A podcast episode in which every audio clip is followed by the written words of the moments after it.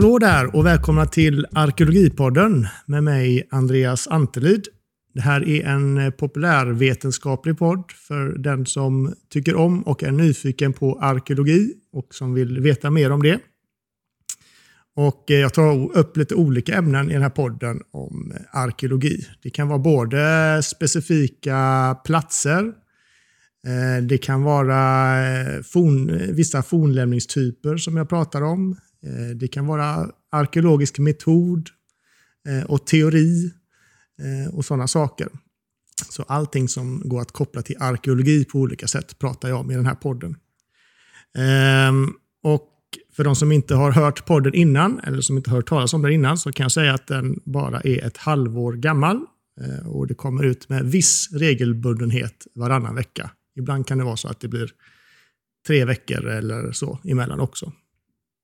Så jag betraktar mig fortfarande i mångt och mycket som en nybörjare på det här med att podda. Och just därför så är det särskilt kul och eh, intressant och roligt att ha blivit inbjuden hit till eh, Birka, som jag är på idag och poddar, eh, för att spela in en livepodd. Och det här är en del av eh, konceptet Poddsommar på Birka, där det är flera poddar som är här och poddar under sommaren. Eh, eh, det är kul att faktiskt ha att det faktiskt har kommit hit några också. Jag kan säga de som inte är här eh, idag kan vi säga att det är väldigt varmt idag och vi sitter inomhus. Eh, så vi får väl se hur många som orkar sitta och lyssna på hela det här avsnittet. Men eh, det är väldigt hett här på Birka idag.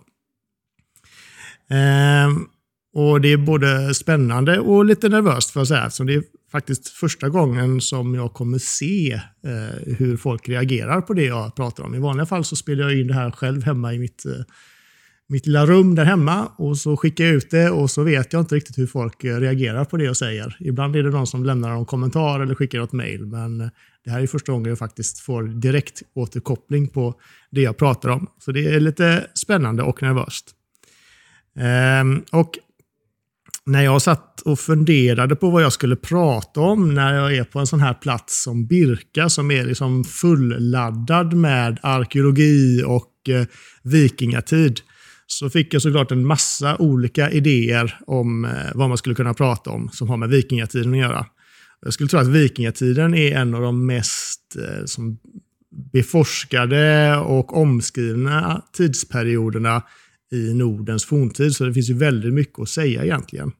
Och eh, Det är ju också med rätta, för det är en väldigt spännande tid och det finns ett relativt rikt källmaterial, både arkeologiskt men just från vikingatiden så finns det också en del eh, historiska källor eh, i form av nedskrivna berättelser eh, om människorna som levde på den här tiden. Eh, så det, det, är en spännande tid att eh, syssla med. Ehm, samtidigt så kändes det nästan lite förmätet och lite läskigt att komma till en av vikingatidens eh, huvudstäder, får man väl ändå kalla det, och så prata om ett ämne som handlar om vikingatiden men som antagligen redan finns beskrivet här på eh, museet eller som eh, behandlas av de här duktiga guiderna som, som finns här. Ehm, så jag bestämde mig istället för att prata lite grann om hur arkeologisk kunskap ibland i allmänhet och just vad gäller vikingatiden och framförallt vikingen i synnerhet, hur det har använts de senaste 150 till 200 åren på ett ibland kan man kalla, eller kan man säga liksom problematiskt sätt. Och just kopplat till, till den arkeologiska forskningen och eh, den arkeologiska praktiken. Så det tänkte jag prata om idag. Eh, jag har valt att kalla avsnittet eller temat för vikingaidentitet. Eh, för det är lite det jag kommer prata om idag. Eh, och det är dels för att det är någonting som jag själv har funderat ganska mycket på och som jag också har pratat och skrivit en del om innan. Så det är någonting jag har sysslat med och som jag tycker är spännande att prata om. Men det är också med anledning av en bok som jag läste nyligen ehm, som behandlar just bilden av vikingen. Eh, just den här boken behandlar bilden av vikingen utifrån ett manlighetsperspektiv eh, på 1800-talet. Den heter just Vikingen, en historia om 1800-talets manlighet av eh, Anna Lihammer och eh, Ted Hasselbom. Den kom ut förra året tror jag. Och det är en läsvärd bok eh, om man vill fördjupa sig i just användandet av vikingatiden och framförallt vikingen de senaste 200 åren. Eh, och även om de specifikt pratar om just manlighets och manlighetsideal kopplat till vikingen så får de med en hel del om just hur, vilken roll vikingen, vad nu vikingen är, har, har spelat eh, för oss. Men jag vill också prata lite grann idag om hur jag tror att just arkeologisk kunskap och arkeologisk metod faktiskt kan vara någonting som kan nyansera och bredda bilden av vikingatiden eh, och andra historiska och förhistoriska tider. Och så, som kanske kan motverka några av de mer problematiska användningarna av just historiska tidsperioder eh, som jag kommer att prata om här idag. Ehm, och Det jag kommer försöka prata om här är hur man ibland har försökt använda framförallt vikingatiden och vikingen för att bygga en bild av svenskhet eller en identitet som har varit kopplad till Sverige och svenskarna. Eh, både med hjälp av ideal och annat som man då har velat framhäva som något särpräglat svenskt eller något som man, är, som man ska eftersträva, ett ideal helt enkelt. Eh, och hur det har sett ut lite historiskt. vi kan ju börja med att konstatera att eh, just vikingatiden, kanske, just, kanske mer än andra förhistoriska perioder, förknippas med en bild av en människa. Eh, som är ganska tydligt, en ganska tydlig bild av en människa. Bara man nämner ordet vikingatid så dyker det för många människor upp direkt en bild av en människa med olika karaktärsdrag. Eh, och den här personen behöver såklart inte se exakt likadan ut för alla. Men, eh, ja, eh, men det finns en hel del gemensamma drag som jag tror dyker upp hos de flesta när man pratar om vikingar. En sån sak är att man ofta ser en man till exempel. Det är nog fortfarande så att vikingen i allra högsta grad är en man för många. Ehm, och kanske är det en som är långhårig, kanske är det en som är skäggig, kanske är det en som är lite muskulös och högrest. I vissa fall kanske han är blond. Eh, oftast kanske han är beväpnad med svärd och sköld och yxa och sådär. Jag tror att det är ungefär det man föreställer sig oftast när man hör ordet viking. Um, och det ska vi prata om idag. Och det får nog anses ganska välkänt idag att den här stereotypiska bilden av vikingen som fortfarande präglar mångas uppfattning i mångt och mycket är en 1800-talskonstruktion. Det kan man läsa om bland annat i den här boken som jag tipsade om innan. Ehm, och många av de här attributen som har som tillskrivits vikingen, det är sånt som man såg som ideala hos en man på 1800-talet. Mer kanske än just på vikingatiden. Det vet vi ju inte så mycket om, hur, hur man tyckte och tänkte om de här bilderna på vikingatiden. Men på 1800-talet vet man att det här var som ett, ett ideal som började växa fram då. Ehm, och på många sätt så kan man säga att bilden av vikingen eh, föregriper och etablerar sig innan man ens hade börjat prata om en vikingatid. Begreppet vikingatid finns inte egentligen innan 1870-talet. Det är då man börjar liksom definiera den här tidsperioden som vi idag kallar för vikingatiden som just vikingatid.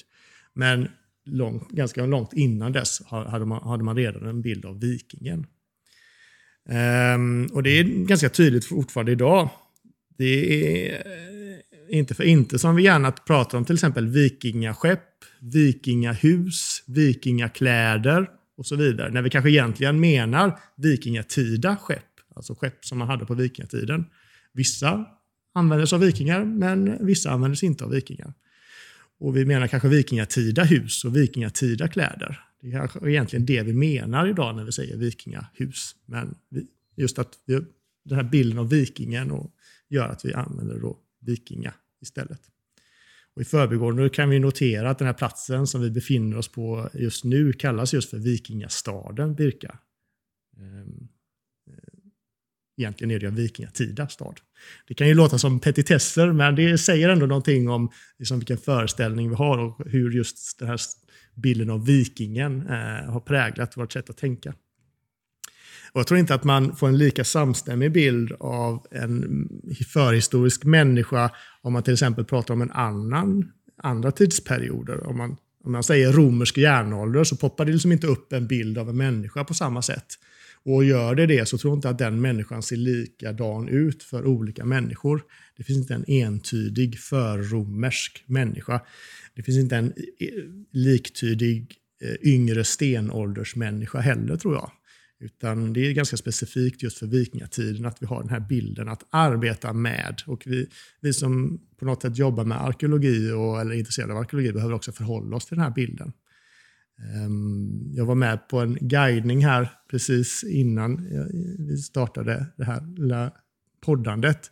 Ehm, och ganska tidigt där så pratar just guiden om vad en viking är och vad det inte är. För jag tror att det är någonting vi behöver Liksom förhålla oss till och få, få, få ur oss innan vi kan prata om resten av vikingatiden. Eh, och vikingatiden har mer kanske än någon annan förhistorisk tidsperiod varit utsatt för såväl en historisk, alltså om vi tittar tillbaka i tiden, som en nutida användning och projicering av olika ideal. Man använder fortfarande vikingatiden och vikingar för att liksom framhäva viss, en viss bild av någonting eller ett visst ideal. Um, och det är nog det som gör att vi fortfarande får upp en så tydlig bild av en person när vi nämner eller pratar om vikingatiden. Att det fortfarande är i bruk idag kan man säga.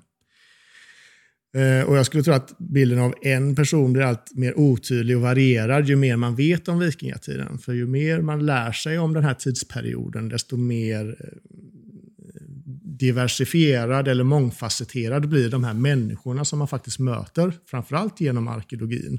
Eh, så ju mer man lär sig om vikingatiden och ju mer man besöker sådana här platser så, så tror jag att man får upp helt olika bilder av människor från vikingatiden än bara den här enstaka stereotypiska bilden. Vi ska prata lite mer om det senare, just vikten av att faktiskt använda arkeologisk kunskap och historisk kunskap för att Eh, göra den här bilden lite mer invecklad och lite mer komplex kanske. Och lite mer sann, om vi nu kan närma, närma oss någon sanning eh, någon gång om historiska personer. Ja, men att historia och historiska lämningar av olika slag har varit viktiga i historien eh, och inte sällan då varit kopplat till nationen och Sverige och svenskhet. Det kan vi se genom att ett av våra äldsta statliga verk som fortfarande finns kvar, eh, nämligen Riksantikvarieämbetet, eller Antikvitetskollegiet som det hette då på, redan på 1660-talet när man bildade det. Riksantikvarieämbetet idag är ju de som ansvarar ytterst för eh, Sveriges kulturarv eh, vad gäller fornlämningar och museer och så som de ansvarar för. Eh, det bildades redan på 1660-talet eh, och Eh, de hade i uppdrag redan då att kartlägga både den skriftliga historien om Sverige och verka för insamlande och bevarande av forntida minnen, alltså fornlämningar kan man säga. Så redan då i början när man kan nästan inte prata om en nation innan 1600-talet. Det är, det är liksom på 1600-talet som de här nationerna som vi ser idag fortfarande eh, bildas eller man börjar Innan har det varit som kungadömen mer, men nu börjar man som prata om någonting som är någonting annat än en kung som har härskar över ett visst land. Utan man börjar prata om nationer och det börjar skapas olika institutioner. Så redan då var historia viktigt att kontrollera och ha koll på. Eh, och då var det inte vikingatiden. Eh, då fanns liksom inte vikingatiden som begrepp. Och den här klassiska förhistoriska indelningen med stenålder, och bronsålder och järnålder som man jobbar med inom arkeologin fanns inte heller. Det låg en bra bit fram i tiden på 1600-talet fortfarande. Man började så smått intressera sig för de här lämningarna och spåren som fanns kvar i landskapet. Och man ville koppla ihop det här med nationen Sverige och svenskarna. Ehm, och det här med att koppla ihop ett lands eller ett folks historia med ett ärorikt och spektakulärt Eh, spektakulärt eh, förflutet. Det är ju en lång tradition som man har jobbat med ganska mycket. När man eh, till exempel har velat koppla ihop kungar som gärna kopplar ihop sig själva då med mytiska förfäder.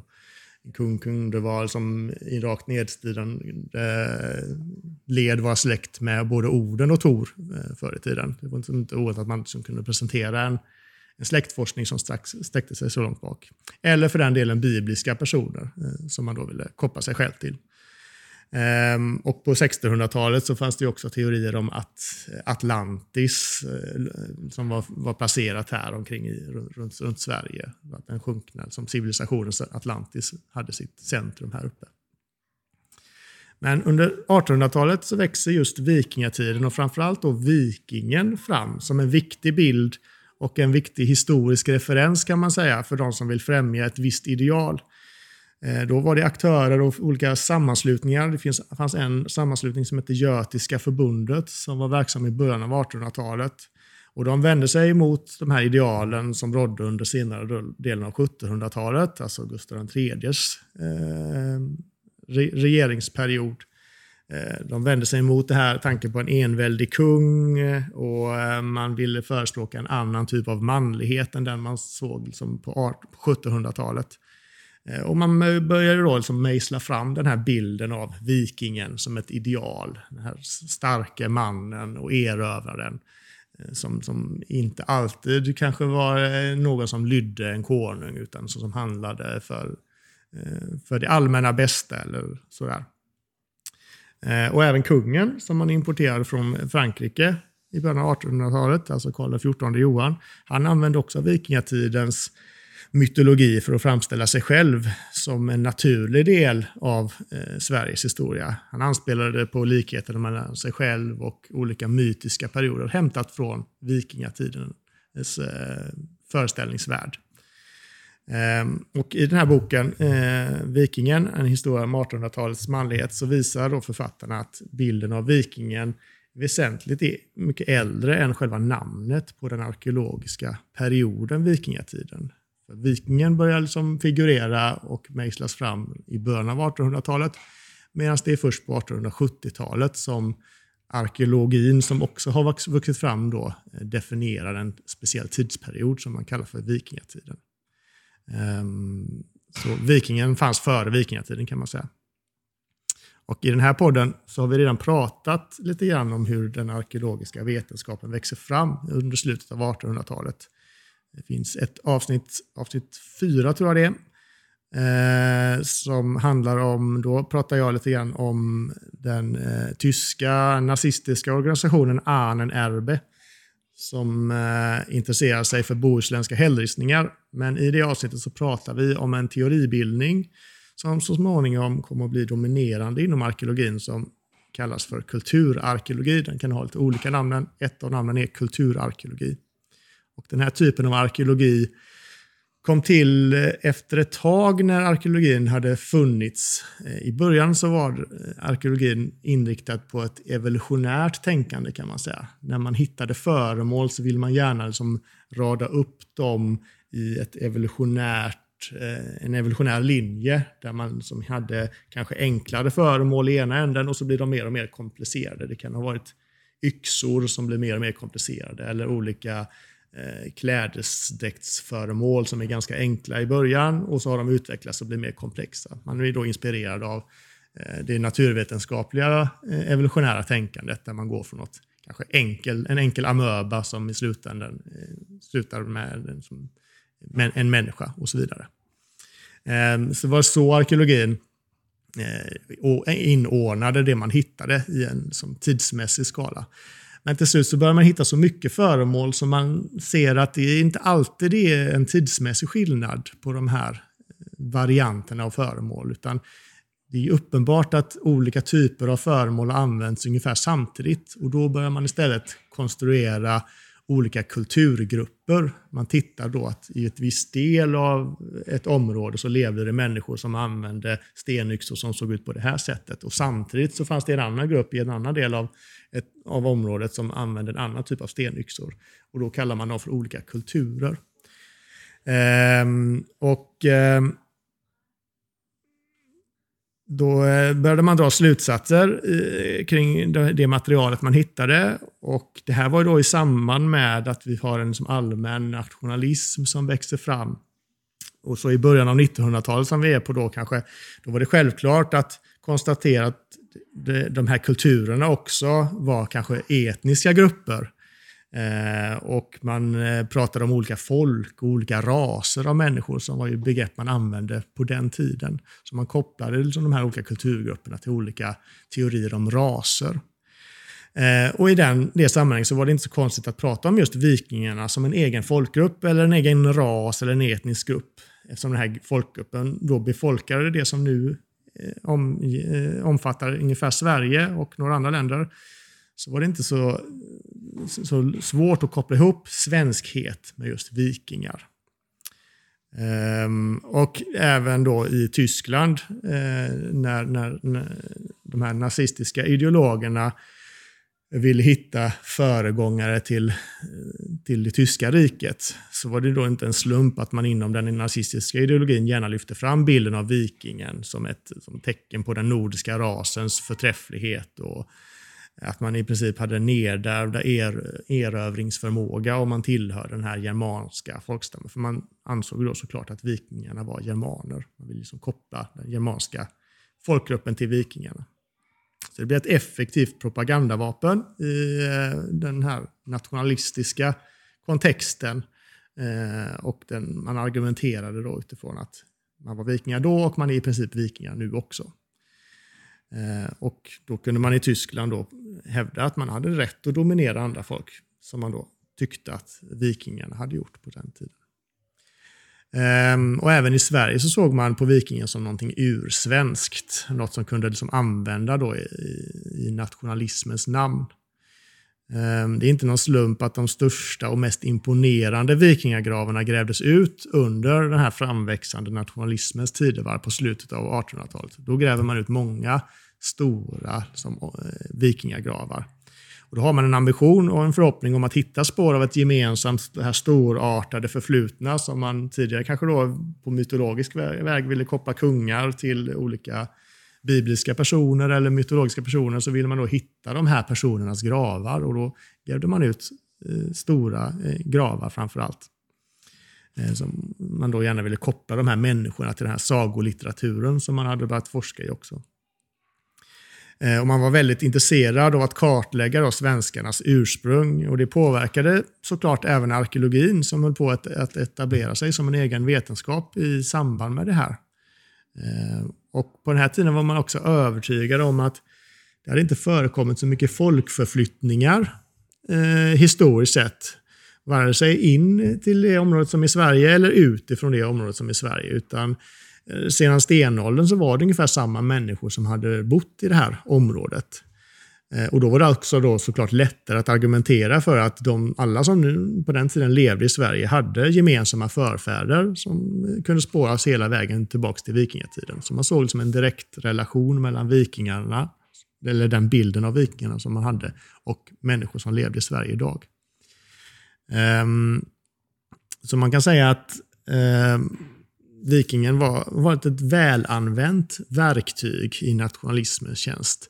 Just efter andra världskriget så eh, dog det där intresset ut lite grann. Då, eh, så efter andra världskriget så var det inte lika populärt att använda vikingen längre eftersom det hade varit så tydligt eh, verktyg för, för nazisterna.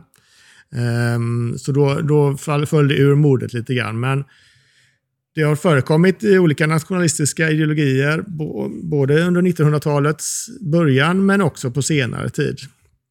Vi hade den här vikingarocken som den kallades på 90-talet, eh, som var en nationalistisk rörelse får man väl kalla det.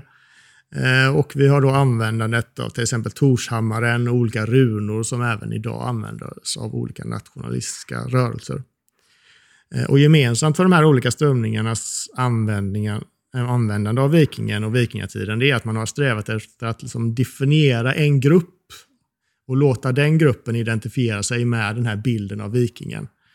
Eh, och bilden av vikingatiden då, som man har haft som ett ideal.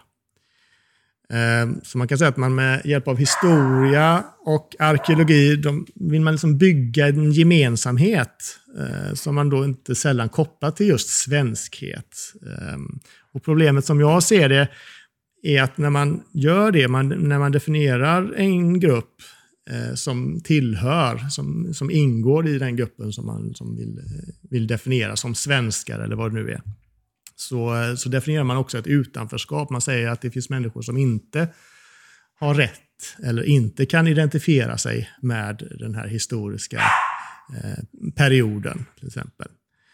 Ehm, och då, eh, det tycker jag är ganska problematiskt. Eh, och ett exempel i, i den här boken som pratar om manlighet så, eh, så, så, är det ju framförallt vikingen som man som man pratar om på, på 1800-talet. I det, här, I det fallet så är det då kvinnor som utesluts ur, den, ur det sammanhanget. Utan det är liksom en manlig värld man målar upp där, där kvinnor inte har någon plats egentligen. Man pratar inte om vikingatida kvinnor, utan det är alltid en man som porträtteras, både i konst och när man pratar om det. Och sådär. Och när man letar i de här gravarna som man gräver ut så är det ju framförallt kungar man letar efter. Eh, skulle det vara så att det är en kvinna som man, som man dyker på i en av gravarna så liksom blir man oftast eh, väldigt missnöjd. Då var det, då var det ingen kung. Man, man som reflekterar inte över att det kunnat ha varit en, en, en eh, en, makt, en kvinna som har den typen av maktställning. Och i då det här nationalistiska gemensamhetsbyggandet så är det på samma sätt att de som inte definieras som svenskar, om det nu är det man vill definiera, och den definitionen av vad som är en svensk kan ju variera, det vet vi. Eh, då är det de som inte ingår i gemensamheten. Då är det de som inte hör, eh, har en, som en plats i att kunna relatera till, eh, till vikingarna eller vikingatiden. Och eh, om man, om man hårdrar det ännu mer så i den nazistiska ideologin, då skulle man också se ut på ett visst sätt. Då var det ju blond och blåögd man skulle vara för att kunna ha möjlighet att identifiera sig med de här eh, förhistoriska människorna. Um, och nu för tiden så pratar man kanske inte så mycket om ras, utan nu brukar man använda det här kulturbegreppet istället. Att man ska liksom tillhöra en viss kultur för att kunna som, säga att man har en relation till vikingatiden och vikingarna. Um, och i allt det här mer eller mindre medvetna politiska eller ideologiska användandet av inte bara vikingatiden och vikingen, utan det förekommer även när man pratar om andra historiska och förhistoriska bilder och fenomen, så har arkeologin funnits och verkat och den har bidragit på olika sätt. Både genom att präglas av den tiden man har verkat i. Det var inte en slump att även arkeologin riktade in sig på de här stora gravarna och letade liksom efter de här stora männen i, under 1800-talet. Ehm, och eh, man har liksom då levererat på något sätt kunskap som passar in i de här olika modellerna av antingen manlighet eller nationalistiska tendenser. Ehm, och eh, det är ju helt naturligt, egentligen inget konstigt. All, allting, eh, all vetenskap verkar ju inte i ett vakuum, utan den är en del av det omkringliggande samhället. Eh, så det är inte så konstigt att även arkeologin har präglats av de här samhälleliga tongångarna kan man säga.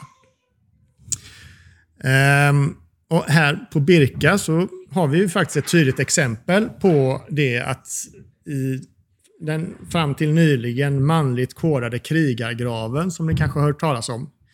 Eh, som för några år sedan omtol man omtolkade om den för att man eh, hade hittat nya rön.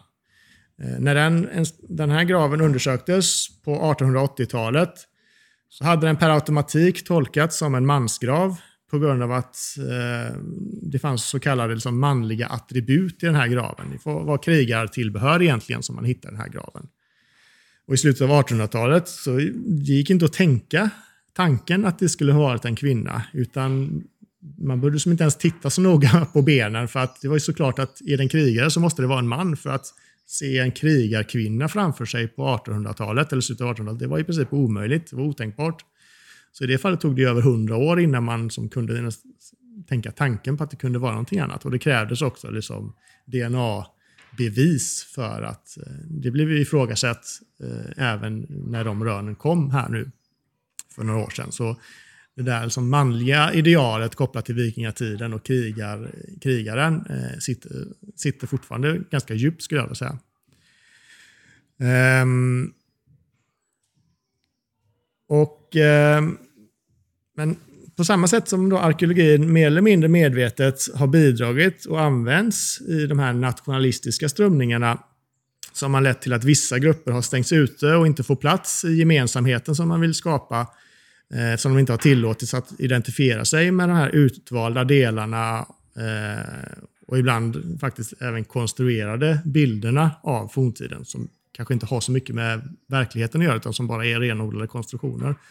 Så tycker jag också att arkeologin innehåller en möjlighet att faktiskt bidra till ett mer inkluderande perspektiv på mångt och mycket. Och jag tänkte vi ska prata lite grann om det. För om det är så att man tycker att det är problematiskt att man stänger ute vissa människor från att känna en relation till en plats eller ett områdes historia, beroende då på att de kanske inte har rätt utseende eller inte definieras som vad det nu är definitionen av den gruppen man vill, man, man vill som skapa eh, är.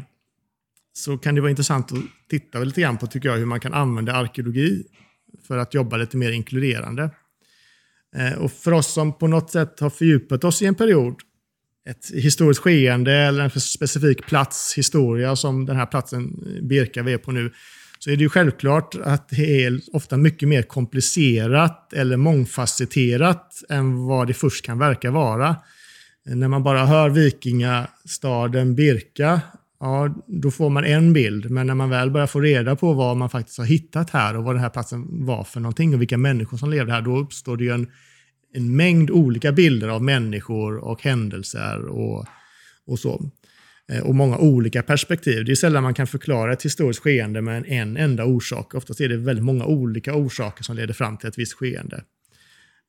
Um, och eh, oftast har inte en plats bara en historia, utan det har många olika historier som, som är inblandade i varandra. Ehm, och när man besöker en sån här plats där det finns mycket kunskap om vikingatiden samlad så inser man att vikingatiden är mycket, mycket mer och mycket mer, mer mångfacetterad än vad den här idealiserade bilden av vikingen som vi har pratat om här, från 18, som stammar från 1800-talet. Um, och man blir också medveten om när man arkeologiskt undersöker en plats, så blir man också medveten om det. Då blir, man, då blir det ganska påtagligt eftersom den här platsen som man undersöker som arkeolog har varit skådeplats för en mängd olika aktiviteter. Ibland till och med åtskilda åtskilda i tid, att man har olika liksom, lager i en plats eh, där det har hänt olika saker som är tidsskilda från varandra. Men det kan också vara att det har hänt samtidigt fast på olika delar av en plats. Att det har liksom förekommit olika aktivitetsytor och olika människor har levt på olika platser och sådär. Um, så man möter, när man gör en arkeologisk undersökning möter man en mängd olika bilder och perspektiv och delar av en plats historia och inte bara en bild. Och ju fler platser som man undersöker, desto mer mångfacetterad blir den här bilden av forntiden. Om det nu är vikingatida platser eller bronsåldersplatser. Och det har också att göra med, skulle jag säga, hur arkeologi bedrivs nu för tiden. Nu för tiden så är i princip all, jag ska inte säga all, men eh, en stor, stor majoritet av all arkeologi som bedrivs idag är så kallad uppdragsarkeologi eller exploateringsarkeologi. Det betyder att man med ganska få undantag endast gräver ut platser som ska bebyggas och där de arkeologiska lämningarna då riskerar att förstöras om man inte gräver ut dem. Eh, och ganska liten del av arkeologin som, eh, som, man, som var vanlig, kanske vanligare på slutet av 1800-talet och början av 1900-talet, där ett visst intresse för en specifik tid gjorde att man grävde ut vissa platser. Vi har inte så mycket sån arkeologi idag egentligen, utan nu är det att vi gräver för att vi måste gräva, för annars förstörs det. Um, det förekommer sådana här eh, så kallade forskningsundersökningar. Jag tror bland annat de undersökningar som görs här på Birka görs ju inte för att man ska bebygga det, utan det här görs det bara för att man har liksom ett intresse av att gräva ut just den platsen. Men i det stora hela så är det en, en minoritet av, eh, av de undersökningar som görs. Och därför får vi en väldigt bred bild av stora delar av vår forntid idag. Eftersom när man gör den här exploateringsgrävningarna eller uppdragsarkeologin så dokumenterar man i princip allt man hittar. Man letar inte efter en specifik eh, kungagrav eller man är inte ute efter att liksom hitta någonting specifikt utan man gräver ut och dokumenterar så mycket som möjligt. Så man får en väldigt bred bild av, eh, av forntiden på det sättet. Eh, så för varje sån exploateringsgrävning så breddas ju bilden av av den specifika perioden som man hittar spår av.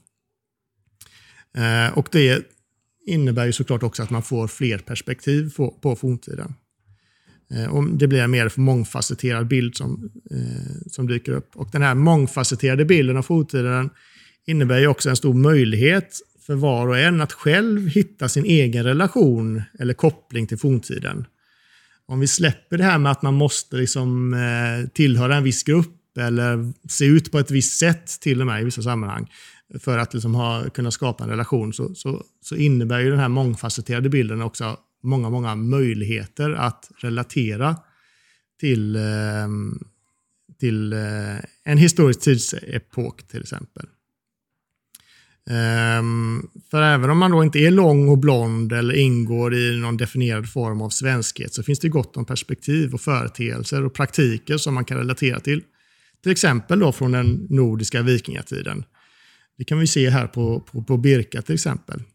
Bara för att ta några exempel. Om man, om man någon gång till exempel har sysslat med något hantverk och har erfarenhet av hantverk och hantverkskunskap så kan man med stor sannolikhet relatera till det jobb som ligger bak, som man har nedlagt i de här föremålen som man har hittat här på Birka, som är som en hantverksstad lika mycket eh, som någonting annat egentligen.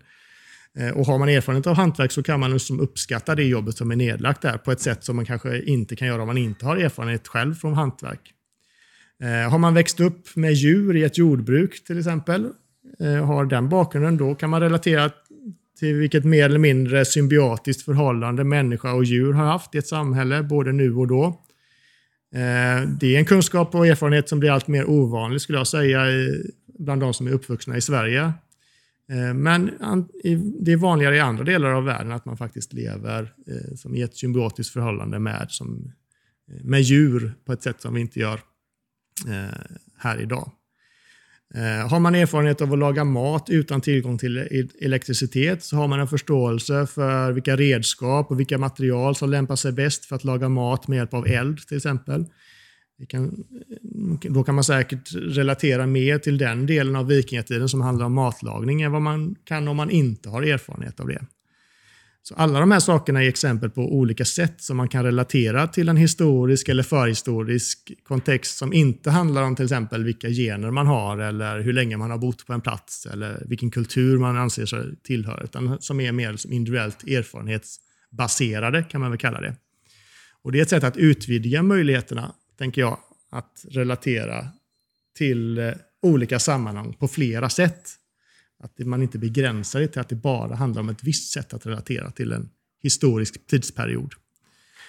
Och om vi då inte heller börjar gradera och säga att en viss relation är mer värd än någon annan, eh, så, eh, så, så leder det förhoppningsvis till att fler får möjlighet att ingå i den här gemensamheten. För jag tycker fortfarande att det är viktigt med historia och arkeologi för att skapa de här gemensamheterna som vi är ute efter. Eh, men om vi eh, vidgar begreppet och låter olika människor relatera på olika sätt så får vi som möjlighet att innesluta fler i den här gemensamheten som man kan eh, få till. Och eh, Jag tycker då att arkeologin har med sin ambition att försöka få fram så mycket kunskap som möjligt om en plats, en tid eller ett fenomen, en möjlighet att bidra till att fler ska kunna få relatera till den historien som finns under våra fötter. Um, och då är det bra att, att det finns sådana här platser till exempel, där man faktiskt kan komma till en plats där man vet att det har hänt saker. Visst, det kan vara nog så intressant att gå på ett museum och se föremålen utställda där, men jag tycker att det faktiskt är en viss poäng med att också komma till platser där det faktiskt har hänt saker. Eh, och där, där man som vet att människor har levt på ett visst sätt och få höra de här berättelserna och få den här kunskapen som levererad på den platsen. Birka är ett sånt ställe, men det finns ju många andra platser man kan besöka också. Så det finns en poäng att besöka de här platserna och se dem och få liksom kunskapen där, tycker jag. För då får man också en direkt relation till en plats som jag tycker är viktig. Um, och det finns till exempel, den är inte jätteetablerad i Sverige, utan eh, det kanske är vanligare på andra, i andra delar av världen att man inom arkeologin jobbar med en speciell inriktning som heter publik arkeologi. Publik arkeologi finns i Sverige, men eh, det, det jag menar är att man kanske den typen av arkeologi där man låter sådana som inte är arkeologer delta i arkeologiska undersökningar. Ehm, det är ett sätt att faktiskt eh, låta så många som möjligt få tillfälle att själv vara med och ta, ta del av en speciell plats historia på ett väldigt konkret och fysiskt sätt. Ehm, det kanske kan vara någonting att utveckla vidare, tänker jag. Det är svårt att inte få... Är man på en plats och gräver fram liksom föremål eller fynd i marken så är det svårt att inte få en relation till de föremålen. Du är ju, du är ju där och tar fram en ny kunskap. Eh, så det är ett ganska konkret sätt att liksom inkludera olika människor i, i en plats historia, att låta dem faktiskt vara med och ta, ta, ta fram kunskapen själva. Det betyder inte att vi inte behöver några arkeologer, för det är såklart det ska ju göras på rätt sätt och så, men jag tror att vi kan jobba mer med det, att låta liksom, eh, fler få ta del av, av, eh, av den arkeologiska praktiken kan man väl säga. Och jag tror att så som arkeologin har utvecklats, från att ha varit en väldigt liksom, sluten eh, verksamhet, alltså för 30-40 år sedan så var det i princip otänkbart att allmänheten överhuvudtaget skulle få komma i närheten av en utgrävningsplats. Idag så är det, tillhör det liksom Eh, det etablerade arbetssättet att man alltid har visningar på liksom, platser som är tillgängliga för allmänheten. Så det har, det har hänt en hel del inom arkeologin där, men jag tror att vi kanske kan göra mer av det. Ehm, så jag skulle vilja passa på att eh, slå ett slag för en mer inkluderande arkeologi, där vi låter fler människor delta och få ta del av den arkeologiska kunskapsproduktionen. Ehm, och att man får liksom relatera till kunskapen utifrån sina egna erfarenheter och att det inte är förutbestämt vilka erfarenheter man måste ha eller vilka grupper man måste tillhöra för att känna sig delaktig eller tillhörande. Så egentligen mer arkeologi åt folket är det som jag propagerar för. Så eh, sammanfattningsvis så kan vi väl konstatera att eh, både arkeolo arkeologisk praktik, alltså metoder man använder, men också kunskap eh, om såväl vikingar som andra förhistoriska perioder alltid har existerat och existerar än idag. Eh, eller existerar inte i ett vakuum, utan det är en del av den samtiden, precis som allting annat. Eh, de val och de tolkningar vi gör är på många sätt präglade av den tid vi lever i. Så det var inte konstigt att eh, man på 1800-talet hade en väldigt manlig bild av vissa delar av forntiden och att arkeologin också liksom var med i, i det sammanhanget och eh, tolkade sina fynd utifrån det perspektivet.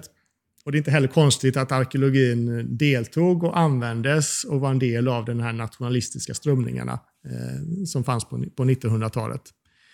Eh, och eh, men vi ska inte heller vara naiva och tro att vi idag är helt opåverkade av den samtiden vi lever i. Utan det gäller att vara vaksam och medveten om vilka bilder vi målar upp av förhistoriska samhällen och de människorna som lever där.